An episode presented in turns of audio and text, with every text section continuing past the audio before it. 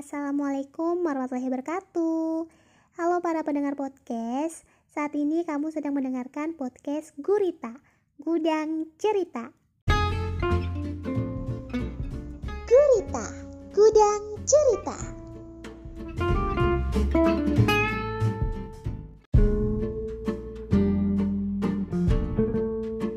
Kali ini Gurita diajakin temen buat apa ngobrol bareng katanya buat uh, di podcastin aja katanya gitu. Tapi jujur aja nggak tahu ya mau ngobrolin apa gitu ya. Karena ya tiba-tiba aja sih gitu diajakin gitu ngobrol ya udahlah kita ngobrolnya ngalir aja ya. Nggak tahu bakalan bahas apa antar dan ini Gurita akan mengundang uh, teman lama juga dan ini abang-abang favoritnya Gurita ya.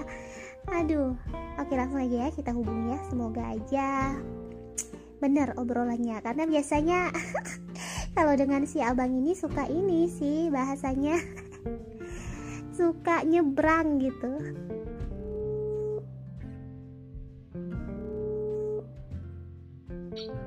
Brand, are you there? Hadir, I'm here. Gimana kabarnya Bang Bren? Alhamdulillah baik. Hmm, udah alhamdulillahnya dong. Itulah iya ya. Enggak sih, enggak dosa. Eh, udah pada vaksin belum sih kalian nih? Bang Koto udah ya? Ah, Bang Koto belum? Kalau aku lagi aku lagi nunggu jadwalnya divaksin. Paul udah, eh Paul udah divaksin ya? Eh, apa udah, tapi itu karena dari kantor sih, tapi nggak tahu sih apa gratis apa dibayarin ya? Aku nggak pernah nanya. Kalau kantor, kalau kantor itu kantor yang bayar beli itu. Oh iya mungkin. Tapi dapetnya apa? AstraZeneca berarti. Ah, dapetnya, Dia kayak- nggak tahu. dapetnya, dapetnya susu beruang. Terus oh yang udah ini gimana? Setelah divaksin gimana? What do you feel? Nggak ada apa-apa sih cuma udah sekitar dua harian gitu ada terasa lah pusing tapi nggak parah sih aku udah dua kali udah aku, aku udah dua kali dan katanya itu kan keduanya ya. yang keduanya mm-mm. kan katanya kan katanya kan sertifikatnya itu kan bisa digunakan gitu ya buat kita bepergian gitu kan tapi ternyata tidak juga tuh tetap aja tuh antigen dicolok-colok hidungnya Ada yang bisa buat ini nggak?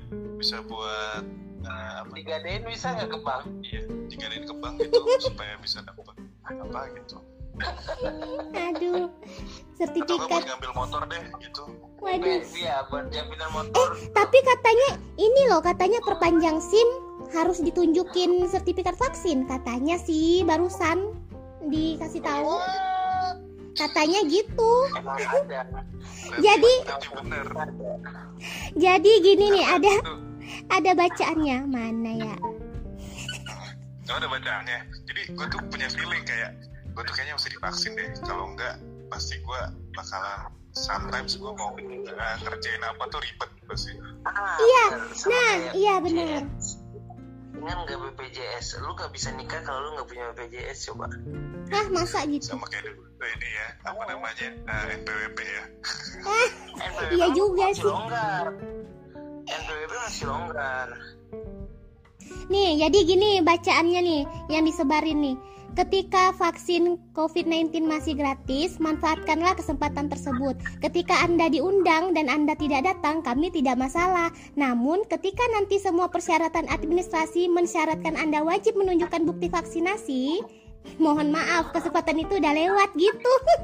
Ada pasalnya lagi. Ada pasalnya lagi. Perpres nomor 14 tahun 2021 pasal 13A. Jadi sebenarnya itu tidak diwajibkan, tapi Memaksakan. Tidak diwajibkan, eh, tapi tapi harus lu paksain aja. dijalankan. Harus dijalankan. Tuh, ini memang sebuah saran, tapi lo harus ngerjain gitu. Tuh. Tapi apakah ketika semuanya ini udah vaksin, terus seketika itu juga pandemi udah udah normal kembali gitu, udah nggak ada pandemi lagi? Kayaknya enggak sih.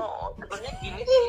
Sebenarnya gini, gue ngelihat kalau ada yang ngelihat Instagramnya potus uh, Joe Biden sama Kamala Harris di Amerika itu gue melihat banyak gue sih gue sering kayak di CNBC semuanya itu. Mereka ngapa-ngapain udah nggak ada pakai masker. Dan gue ingat banget waktu Joe Biden bikin statement di instastorynya gue eh gue di postingan Instagramnya uh, dia menghimbau seluruh masyarakat Amerika untuk melakukan vaksin. Nanti setelah kita divaksin kita tidak ada lagi menggunakan masker. Dan itu benar-benar terjadi loh sekarang di sana tapi waktu yang kemarin si dokternya bilang, waktu penyuluhannya juga kan, setelah kita vaksin bukan berarti kita bebas masker, tetap masker katanya gitu. Indonesia, Di Indonesia yes, karena di Indonesia ini masih terlalu rentan menurut gue sih ya. Karena di Indonesia ini semua orang bisa masuk saat ini. Tuh. Kalau kayak di Amerika itu memang misalnya kayak ada beberapa negara yang yang dilarang masuk nih. Karena kan ada orang Mesir yang lu India ke India misalnya lagi nggak boleh masuk ke Indonesia misalnya ya. Ngapain dia ke India? Dia berangkat dulu ke mana? Gitu kayak ke Inggris. Dari Inggris dia naik penerbang ke Indonesia. Masuklah dia. Tapi kalau di Amerika yang gue tahu nih ya yang gue tahu uh, lu nggak bisa lu mau berangkat dari mana pun selama data lu itu data orang India lu nggak bisa masuk. Eh orang Indonesia lu nggak bisa masuk Wah, berarti Indonesia udah ditakutin ya? Oh, tergantung sih. Gue no comment sih kalau. Tapi gue nggak tahu apakah saat ini penerbangan luar negeri masih dibuka. Tapi kayaknya dibuka deh. Mungkin dibuka buat yang ada ini kali kepentingan kayak diplomat atau mungkin kerja di sana. Ya, iya bun ya. Bahaya loh salah-salah ngomong dicegat ntar Hei, makin banyak nih tuh jadi pintar. Uh, ah, ini kita lagi bukan podcast dengan Deddy Corbuzier. Kalau ngomong Deddy mah gampang, kita mau ngomong aman. Paling depan rumah langsung ada yang ciduk. banyak ya. Saya bersuara aja sekarang milih-milih. Kalau nggak bener-bener. Ah, terus. Tuh. Kalau gue sih vaksin gue gue gimana ya? Kayak keluarga gue yang ada keluarga gue sih udah pada vaksin. Cuman yang gue nya emang belum. Dan kemarin kantor emang sempat nawarin juga kalau gue. Dan gue memilih tidak. Karena mungkin kalaupun gue akan vaksin gue harus cek kondisi gue dulu. Gitu. Iya sih, ha, ha. karena nggak nggak semua orang, iya benar nggak semua orang bisa vaksin sih memang mesti cek segala apa sih darahnya gitu-gitu sih memang sih. Iya benar. Karena kalau yang kayak gue emang harus benar-benar kondisi gue itu emang satu emang harus benar-benar fit. Terus kayak gue punya gula darah gue harus stabil dulu baru bisa dilakukan vaksin. Dan kayak uh, gue ada hipertensi juga gitu kan. Semuanya itu harus dicek dulu gitu. Tapi gue tetap dukung kok program vaksin ini. Ya, harus ya kita harus mendukung program pemerintah ya. Haruslah program hidup bro? Kita harus kita harus. memperpanjang covid ini ya.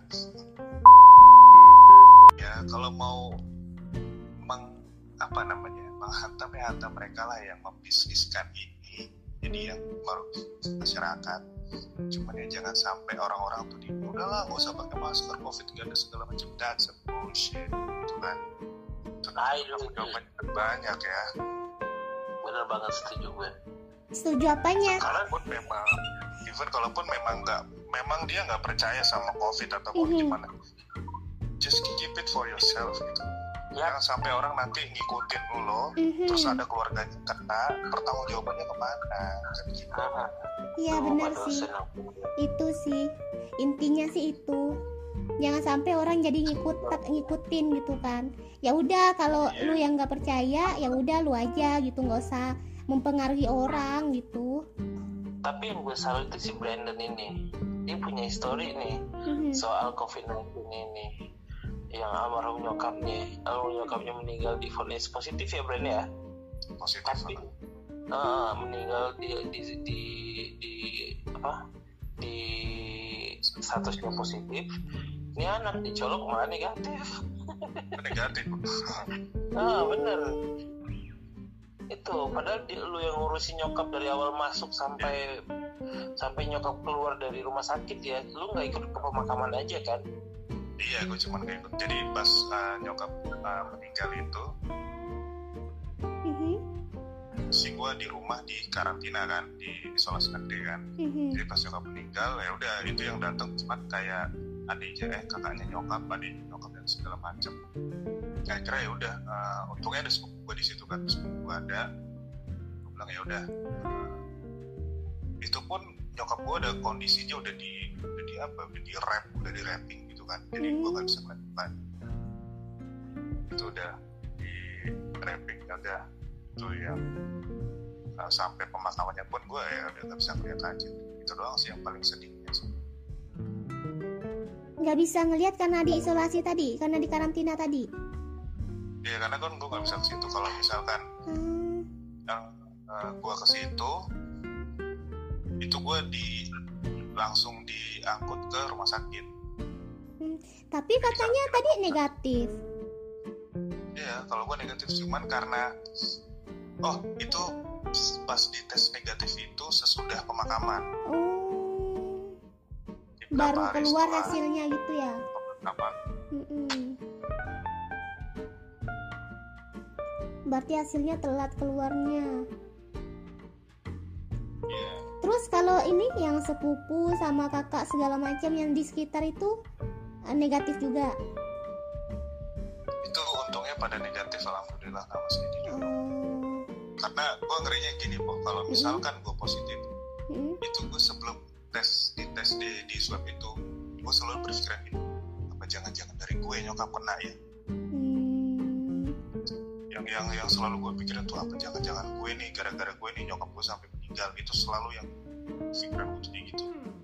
Ternyata pas udah di swab hasilnya negatif gue agak lega hmm. oh, berarti bukan ibarat kasarnya bukan gue berarti yang ngebunuh nyokap gue nih Iya, mungkin Iya kan? emang udah kena apa ke ke virusnya itu kali kan. karena Dan- memang selama ada covid Mm-mm. biarpun uh, gue ya ibaratnya uh, yang lebih banyak intensitas keluar itu gue karena gue belanja segala macam kan Mm-mm. Itu memang gue terapin. Gue sebelum masuk rumah gue cuci tangan. Kalau habis megang-megang apa gue cuci tangan. Terus habis itu ada hand sanitizer selalu gue bawa hand sanitizer. Terus pakai masker. Memang itu ibarat Protokol aja ya. bisa sedikit ya prokesnya bisa sedikit. Bukan itu gue nganter-nganter nyokap gue ke kamar mandi. Habis gue nganter nyokap gue ke kamar mandi gue langsung cuci tangan Selalu ya dan gitu. nyokap dan yang gue salut yang gue pernah dengar cerita dari Brandon ini nyokapnya itu sebenarnya paling ini banget ya Brand ya? Paling oh iya nyokap gue nyokap gue paling ketat. Ketat ketatnya Dan gimana tuh? minum ramuan-ramuannya lengkap loh padahal nggak Oh. nggak nggak nggak covid awal-awalnya itu. Dan beliau juga nggak ada ke pasar ke mana-mana itu nggak ada kontak ya Brand ya ya paling ke pasar tuh ah, biarpun ke pasar ya buat belanja belanja bulanan itu langsung nyokap gue cuci tangan langsung eh, apa baju langsung direndam mandi Berarti virus itu Dan tidak tidak cuma dari tular menular. Berarti ada hal lain tuh. Karena kan di sekitar eh, di sekitarnya kan nggak ada yang ini yang membawa virus itu ya kan? Kita kan nggak tahu ya entah nyokap gue megang karena kan katanya si virus itu menurut para para ahli virus itu biasanya kan virus butuh inang ya Mhm. nah ini tuh virusnya uniknya dia bisa bertahan di benda mati itu bah- bahkan sampai seminggu dia bisa bertahan di situ Hmm.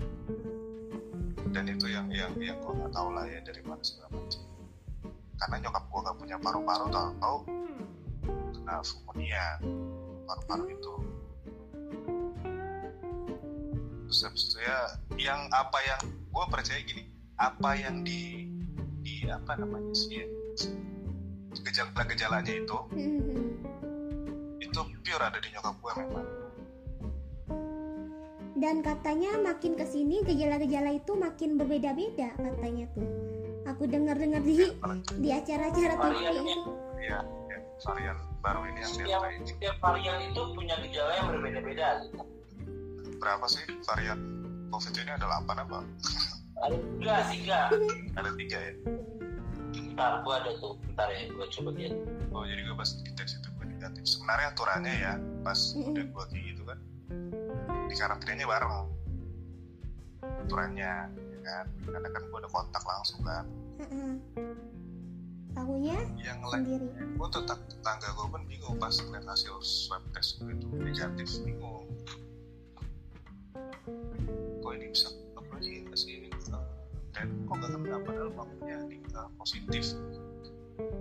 Akhirnya bermunculan lah kayak oh jangan-jangan gue pernah covid ya segala macam bla bla bla bermunculan lagi gitu gitu cuman gue ini kalaupun itu bukan karena covid nyokap gue pasti kuat gitu loh. Karena nyokap gue itu ah, segala ramuan apa diminumin kan. Oh jadi ini minum ini minum vitamin segala macam. Udah prepare lah gitu. ya kalau cuma flu biasa mah pasti nyokap gue kuat dan gak bakalan kena gitu aja. Gak, gak, gak bakalan sampai sedrop itu nah ini nih nih nih nih, nih. jadi variannya itu ada varian alpha, beta dan delta ya. Jadi kalau varian alpha ini ya, indikasinya itu pertama batuk dan sakit tenggorokan. Yang kedua itu demam, kelelahan dan nyeri otot, hilang rasa dan indera penciuman, sesak nafas, sulit berpikir jernih, pusing, malaise dan mual. Itu varian yang paling pertama banget datang ke Indonesia dulu. ya Nah, varian yang kedua, varian beta. yang dari yang dari Inggris itu indikasinya kemampuan indera penciuman hilang, demam, batuk terus menerus, terus ke kelelahan parah, sakit kepala, sakit perut, nyeri dada, sakit tenggorokan, sesak nafas parah, nyeri otot, suara serak, terus delirium, diare, dan ruam kulit. Itu yang varian Inggris. Yang kedua, ngeri ya. Ini varian ketiga, Delta, yang datangnya dari India. Eh, ada demam, sesak napas, kelelahan, nyeri otot atau tubuh, sakit kepala, kehilangan rasa atau bau, sakit tenggorokan, hidung tersumbat atau pilek, mual atau muntah dan diare. Nah ini yang varian varian yang banyak ngerenggut nyawa di Hmm. Di India itu. Padahal kalau dari gejalanya lebih seram yang Inggris ya. Lengkap soalnya sampai ke perut segala apa. Buset. Diare kan diare itu yang dari India. Tapi balik lagi terkadang kesel sih kalau yang sama walah covid gak ada covid gak ada kayak apa sih lo kayak gitu gak sih Makanya banyak disumpahin orang yang kayak gitu tuh. disumpahin Cuman- orang cuman- gitu kan cuman semoga kena. cuman gitu. eh, cuman mereka kayak kayak covid tuh nggak bakal nyerang mereka gitu sih. Ya mereka iya. Karena mereka mereka sendiri mereka sendiri udah udah terbebani oleh kebodohannya mereka aja gitu. Iya kita sih boleh aja nggak nggak percaya itu haknya kita. Benar berarti kita kan tapi jangan sampai mempengaruhi orang lain. Ya, mak ya, apa salahnya sih pakai masker gitu loh? Toh kan udah banyak polusi ya. Iya Iya kan? benar. itu kan untuk untuk untuk mengurangi polusi masuk ke dalam tubuh kita ya bagus dong. Itu gunanya masker juga selain selain menghambat eh, selain mencegah tadi juga bisa ini polusi juga bisa kan Mungkin karena ini kali Bang Pren, karena ada berita karena ada berita yang mengabarkan eh, orang sekarang ini banyak kebanyakan meninggal karena itu. Apa tuh? Eh, terhirup udara apa? Udara dia sendiri di masker gitu gara-gara masker kayak gitu. Ya iyalah. Ya iyalah meninggal. Orang dia nggak pernah gosok gigi katanya gitu jadi kamu makanya kan kebersihan mulut juga harus dijaga kan. Kata dokter benar kan kebersihan mulut harus dijaga. Ini orang masker juga. Kenapa orang banyak kena? Itu kalau menurut gue nih ya. Dia masker pakai masker. Kalau menurut gue masker itu nggak bisa dipakai seharian satu masker. Apalagi masker Iyalah. yang banyak dipakai itu bukan masker medis. Rata-rata satu dua lapis ya. Satu. Yang kedua masker simpennya dipeper-peperin di meja lah di saku lah. Padahal dia udah megang apa-apa terus tempel lagi ke mulutnya. Nah otomatis si virus masuk ke mulut udara yang keluar itu kehirup lagi ya udah selamat datang kata si virus. Lagian sekarang udah ada himbauannya ya maskernya double. Hmm. jadi masker eh, apa namanya masker medis yang pertama terus habis itu yang bagian luar itu masker kain. Ya cuman balik kecuali kalau ya cegahan. kecuali KN 95 ya. Kalau KN 95 nggak apa-apa. Cuma satu doang. Cuman yang membuat warga bingung itu sekarang aturannya ini terlalu berubah-ubah. Contohnya itu kayak memakai masker. Dulu ngomong nggak perlu pakai masker dua. Nggak ada gunanya sama aja gitu kan ya bukan nggak ada gunanya gitu. Sekarang malah sebaliknya gitu terus sebenarnya sih kalau menurut gua eh, masalah ini muncul kalau gue perhatiin ya masalah ini heboh lagi itu gara-gara lebaran kemarin. Itu aja kalau gue sih ya. Tapi gue melihat di berita pemerintah itu udah memprediksi setelah lebaran nanti bakal ada lonjakan tinggi virus ini gitu. Kalau benar kejadian kan? Tapi kalau yang kan sering banget nih orang-orang bilang eh, sebenarnya kebanyakan yang meninggal itu bukan karena corona tapi dimanipulasi datanya biar corona biar seolah-olah meningkat di Indonesia. Nah biar dapat bantuan kayak gitu. Tapi bantuannya nggak disampaikan kayak gitu. Nah itu pokoknya mainan politik lah. Itu sebenarnya eh, kalau kalian apa ya berpikir seperti itu juga apa memang murni? Percaya lah 100% gitu sama pemerintah gitu. Bukan ngomongin pemerintah sih. Kalau gue sih kayak di posisi percaya gak percaya aja. Ya kalau kalau soal kayak gitu sih ini ya karena gue udah ribet yang ngurusin eh, diri gue sendiri. Gue harus nggak kena covid dan gue harus menjaga prokes itu. Kalaupun memang kan itu ada ada apa namanya ya? Ada ya memang kita juga sebagai warga negara wajib tahu seperti itu. Cuman ada orang-orang yang garda terdepan untuk mengetahui untuk mengorek itu lebih dalam lagi. Dan kalaupun memang ada seperti itu kejadiannya ya sudah itu harus diproses hukum. Dan memang itu yang harus kita ketahui apakah ini orang meninggal di covid covidin atau enggak apa yang sebagainya yang isu-isu yang tersebar di masyarakat luas seperti itu cuman dengan adanya isu seperti itu kita juga gak berhak untuk kayak oh gue gak percaya covid lah covid itu bisnisnya pemerintah covid ini segala macam. Nggak harus seperti itu juga gitu kan yang jelas mm, intinya adalah bagian yang menangani hal itu gitulah ya intinya ya. Ya, ada yang lebih berhak lah gitu. Uh, kita hanya misalkan kita pun ada ada apa namanya ada case ke arah sana ataupun masyarakat ada yang tahu digituin misalkan ya ada salah satu instansi pemerintah rumah sakit di, dibegitukan gitu loh ya. Kita harus lapor nanti. Kan ada ininya ya apa namanya uh, ada satgas khusus lah ya ada satgas segala macam. Nah, nanti bisa nanti mungkin dari situ ditelusurin lagi gimana gimana gimana.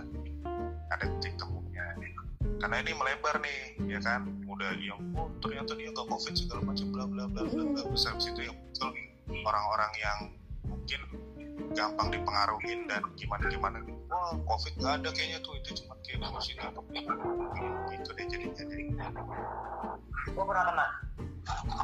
Alhamdulillah sih jangan sampai.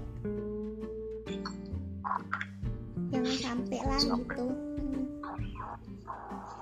Cuma kalau kayak gini apa ya? Nih kita ngobrol ini deh. Misalkan nih kan kayak gini terus nih kondisi nih. Masih masih pandemi kayak gini. Bahkan di ajaran baru nanti katanya juga masih belum bisa apa tuh tatap muka secara utuh katanya ya kalau aku baca-baca berita gitu kan dan dengar-dengar juga informasi dari teman-teman katanya kayak gitu. Masih ya masih pembelajaran mungkin kemungkinan besar masih pembelajaran secara daring gitu. Nah jadi gimana ya? Itu kan uh, bisa dibilang juga membuat apa ya generasi jadi apa learning loss gitu maksudnya nah learning loss gitu kan. Kemudian orang tua para orang tua juga. Ya kalian di kota mungkin masih lah ya segala macam apa uh, yang kantoran gitu ya. Cuma maksudnya yang di pelosok sana itu loh kan mereka kan mau bekerja tapi uh, ribet gitu kan urusannya gitu kan ya pokoknya mempengaruhi banget lah tentang ekonomi mereka juga gitu maksudnya. Jadi gimana ya? Ini nih kemungkinan di, bisa diprediksi sampai tahun 2022 loh. Kalau diisukan kayak gitu dengar-dengar isunya. gimana kita kayak kita tuh bisa memprediksinya ini tuh bakalan lama gitu aja kan? Mm -mm. Sekarang gimana gimana kita mau gimana mau bisa cepat selesai? Ya banyak yang nggak percaya banyak yang melanggar prokes. Banyak yang ya banyak lah yang segala macam lah gak ngikutin apa segala macam. Maksud gue gini loh ya udah ikutin aja dulu aturan pemerintahnya jaga prokes segala macam nggak nggak ke mana-mana kalau nggak penting. Udah kan udah digituin kan dari situ kan kita bisa melihat ini penekanannya gimana penekanan si virusnya itu oh ternyata berkurang. Sempat berkurang kan? Sempat berkurang. Yang kemarin. Sempat turun. Uh-uh. iya sempat turun. Tiba-tiba naik, naik lagi jadi 13 ribu ya kalau nggak salah. Dari berapa ribu tiba-tiba jadi belasan ribu. Waduh peningkatannya ya, langsung berlipat-lipat kayak dulu awal-awal disuruh disuruh di rumah seminggu libur dikasih libur seminggu ya kan hmm. padat tamasya Nah, bukannya kalau semakin lama bukannya kalau semakin lama di dia maksudnya di pandemi kan kayak gini malah semakin banyak yang pelanggar juga.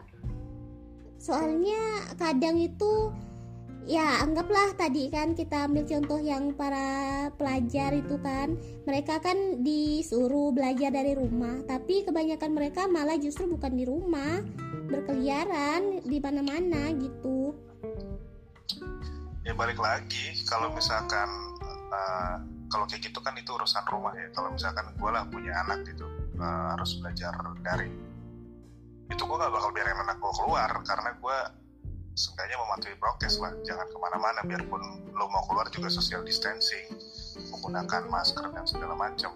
Cuman mungkin ada dari antara mereka yang keluarganya menganut tidak ada yang namanya covid bebas saja bersalaman bersalaman pegang guru pegang guru ya kan? Ada yang gitu oh, iya, iya. berarti balik lagi ya saling bahu membahu lah gitu ya kompak gitu intinya ya. Iya iya iya benar-benar ada pengawasan setidaknya juga. kalau memang setidaknya kalau memang mereka benci sama pemerintah ya kan? Nggak percaya sama dibilangnya pemerintah bisnis segala macam. Coba bantu buat Indonesia nya sendiri bantu buat masyarakatnya sendiri dengan jaga prokes dengan cara lu lu ya udah dengan cara kan udah sediain cuci tangan segala macam ya udah cuci tangan segala macam. Terus jaga kebersihan ngebantulah diri diri sendiri diri diri ini sendiri maksudnya Indonesia tuh supaya terbebas dari ini even lo mau benci sama pemerintahnya lo mau anjing-anjingin pemerintahnya yang katanya banyak bisnis segala macam itu urusan lo iya, cuman sekarang Indonesia lagi dilanda begini coba bantu Indonesia dulu buat bebas dari itu Mungkin juga warga ini memanas karena merasa ekonominya turun. Mereka merasa pendapatan mereka berkurang.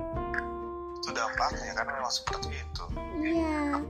Nah, dan itu nggak ada solusi buat mereka. Itu kali yang bikin mereka manas juga. Jadi menentang. Gimana ya? Hmm, tadi kan kalau sempat bahas masalah daring dulu nih benar kan Hmm. tadi ya hmm. daring apa apa sekarang daring apa apa daring gitu kan dan orang tua pun pada mulai kewalahan karena mereka ngurusin anaknya belajar di rumah pengawasan mereka gitu ya sebenarnya gue jujur agak jengah gue dengan bahasa-bahasa orang tua yang wah eh gue juga ikutan ngurusin anak belajar sekarang bla bla bla yang kayak gitulah ya kecuali kalau bentar, orang tuanya Wanita. ya wanita karir atau apa pun itu menurut nggak pan oh si kebanting Bentar. Menurut gue sih nggak pantas orang tua ngomong kayak gitu gitu. Menurut gue sih orang tuanya nggak pantas ngomong seperti itu gitu. Misalnya kayak anak itu bukan hanya tanggung jawab guru gitu. Nah kayak sekarang lu dikasih kesempatan bisa ngelihat anak lu belajar langsung harusnya lu manfaatkan itu dengan baik gitu. Dan apalagi oh, bagi ibu-ibu yang dia ibu rumah tangga. Gitu. emang sih kerjaan mereka itu juga banyak di rumah gitu. Tapi gue yakin meluangin waktu kayak ngeliatin jagain anaknya daring itu anak daring itu nggak perlu harus dijagain banget gitu ya. Karena gue juga punya keluarga yang masih sekolah daring mereka itu ya mereka di satu ruangan fokus di komputernya masing-masing udah gitu. Apa kebutuhan guru ya dibantu gitu ya satu Ya sih, cuma- cuma sekedar dipasti cuma sekedar dipastiin aja itu anaknya udah selesai belum gitu kan gitu aja kan ya. sebenarnya. Tapi kebanyakan ini gue kebanyakan yang gue lihat nih ya beberapa Hmm. orang tua yang gue lihat. Mereka kewalahan itu adalah ketika nih anak ada tugas ada PR atau ada ujian mereka kewalahan buat nyari jawaban orang tuanya ikut ikutan ya gimana nggak kewalahan? Yang harusnya ngerjain yang lain malah ngerjain tugas anaknya. Orang tuanya yang kerja anak tahu beres. Ya iyalah kewalahan. Bagi gue ya bagi yang yang yang lain mah terserah. Dan ini semua dijadiin dikira sebagai pembodohan. Apa-apa sekarang daring apa-apa daring apa-apa daring anak-anak dibuat tidak bisa bertemu atau apa pun itu gitu ya. Sebenarnya ada plus minusnya tapi prinsipnya setiap apa pun perubahan yang ada pasti akan banyak pertentangan. Dan gue yakin sebenarnya daring ini sistem apa-apa secara online ini emang sudah dipersiapkan. Cuman waktunya terlalu kaget kayak Indonesia ini menggunakan daring dalam melakukan apa pun gitu. Lu kayak ngelihat aja lah film-film ya kayak Avengers lah. Mereka meeting itu udah menggunakan sistem hologram artinya kita nggak harus datang lagi kita bisa kelihatan full tubuh kita walaupun itu film ya. Bahkan teknologi seperti itu sudah ada di film-film zaman sekarang gitu. Cuman sekarang itu mungkin lebih ke zoom atau WhatsApp call kayak gitu. Orang kaget karena belum siap kondisinya itu. Dan gue yakin dan ini semua bakal diterima pada waktunya. Dan mereka semua akan merasa oh iya ternyata gue terbantu dengan adanya ini. Contoh simpelnya aja TV digital. Dulu semua orang itu banyak yang apa sih TV digital? Gue nggak bakal nggak bakal inilah nggak bakal tertarik lah. Gue bakal tetap tertarik dengan TV kabel gitu ya. Toh pada akhirnya smart TV pada keluar ada alat khusus untuk mendapatkan layanan digital data semuanya. Orang mulai menikmati. Itu setiap perubahan pasti akan ada akan ada pertentangan gitu. Apa ini caranya agar teknologi itu mendunia kali ya? Salah satu caranya kayak gitu. Ya kan? Jadi mau nggak mau ini teknologi emang udah akan mendunia gitu. Semua orang bahkan di pelosok sana juga akan menggunakan teknologi gitu kan ya nah benar. Pada pada akhirnya akan sampai ke desa pelosok pun nggak ada lagi namanya daerah pelosok. Cuman memang mungkin itu butuh waktu terkhususnya di Indonesia. Karena apa-apa di Indonesia ini terlalu banyak birokrasi yang membuat orang agak sulit untuk berkembang gitu. Itulah kenapa di Indonesia itu kayak internet di perkampungan itu internet memang udah masuk desa tapi jaringannya ngap-ngap gitu tapi bagi gue pribadi nih ya Indonesia ini penggunaan jaringan internetnya itu adalah jaringan internet terbagus ketika kita berada di pelosok. Contoh simpelnya nih ya gue ke Malaysia ada keluarga di situ. Gue pergi ke daerah Kuala Pilah di negeri Sembilan itu internet nggak ada di dalam sana. Nggak ada sama sekali. Jaringan itu nggak ada di situ jaringan internet. Ketika orang sana main ke sini lewat ke daerah puncak daerah perhutanan pegunungan ada sinyal di sana mereka kaget Indonesia hebat ya jaringan bisa sampai ke sini gitu itu kelebihannya di Indonesia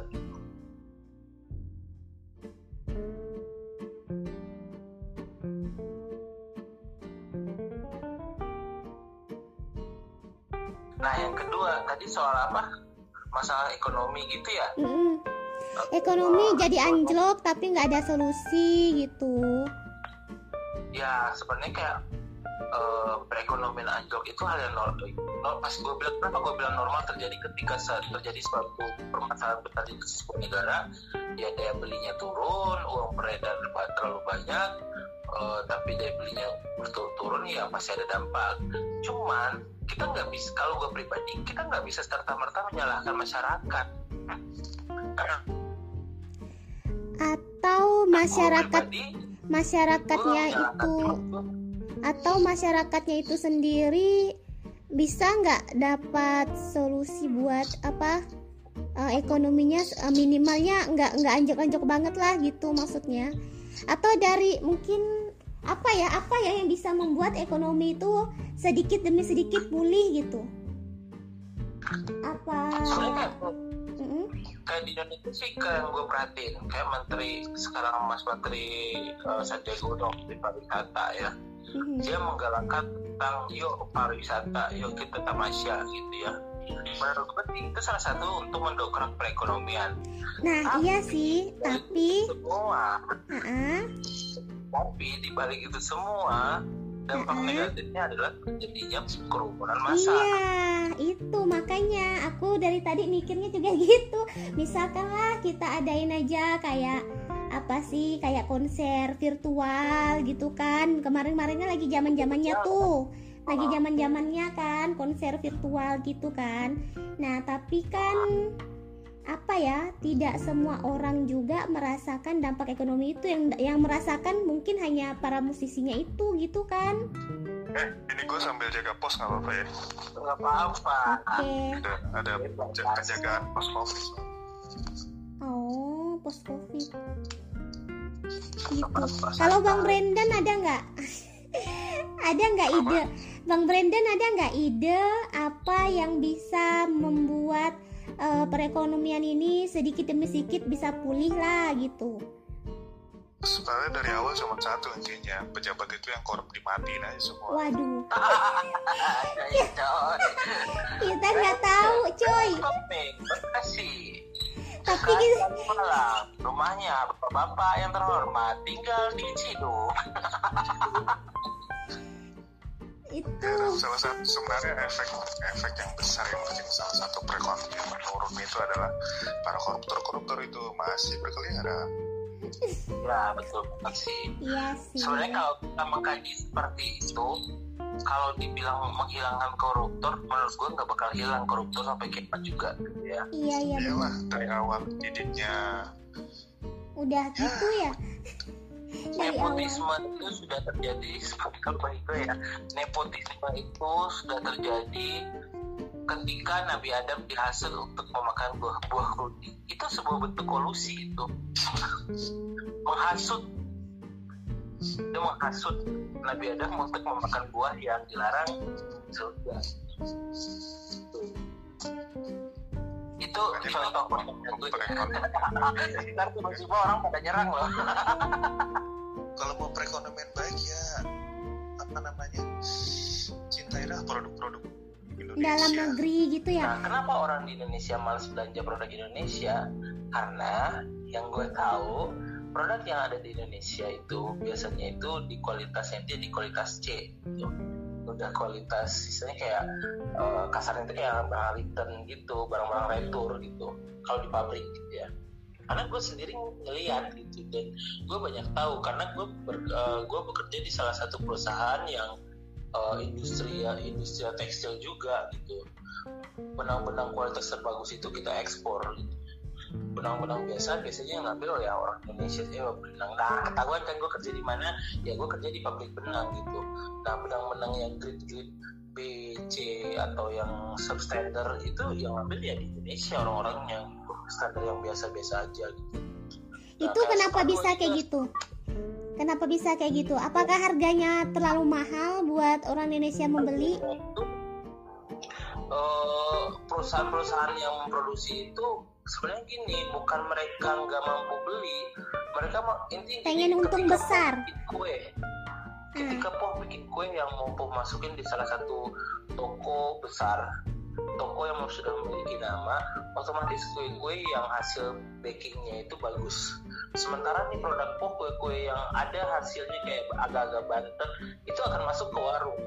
Itu sudah hal yang normal banget gitu. Padahal dari tempat produksi yang sama bisa masuk ke mall satu yang satu di warung biasa. Daripada nggak kejual. Tuh. Kayak sekarang ada salah satu e-commerce. Dia jual brand oke. Semuanya oke lah ya. Dia jual brand misalnya Adidas. Tapi barang yang nyampe nggak sesuai dengan gambar. Mereknya sama gambarnya sama warnanya sama. Kualitasnya jelek gitu Nah itu yang menjadi pertanyaan kadang bagi masyarakat Indonesia mau beli produk sendiri aja agak susah gitu. Susahnya itu adalah barang yang dibeli nggak sesuai dengan uh, deskripsi yang ada di gambar gitu. Itu. Berarti yang menghancurkannya balik lagi ke orang Indonesia sendiri gitu ya? Ya. Berarti kalau intinya sadar, ayo sadar bareng-bareng. berarti intinya Indonesia yang membunuh diri sendiri gitu ya? Gue nggak ngomong ya, ntar gue di gue diserang netizen.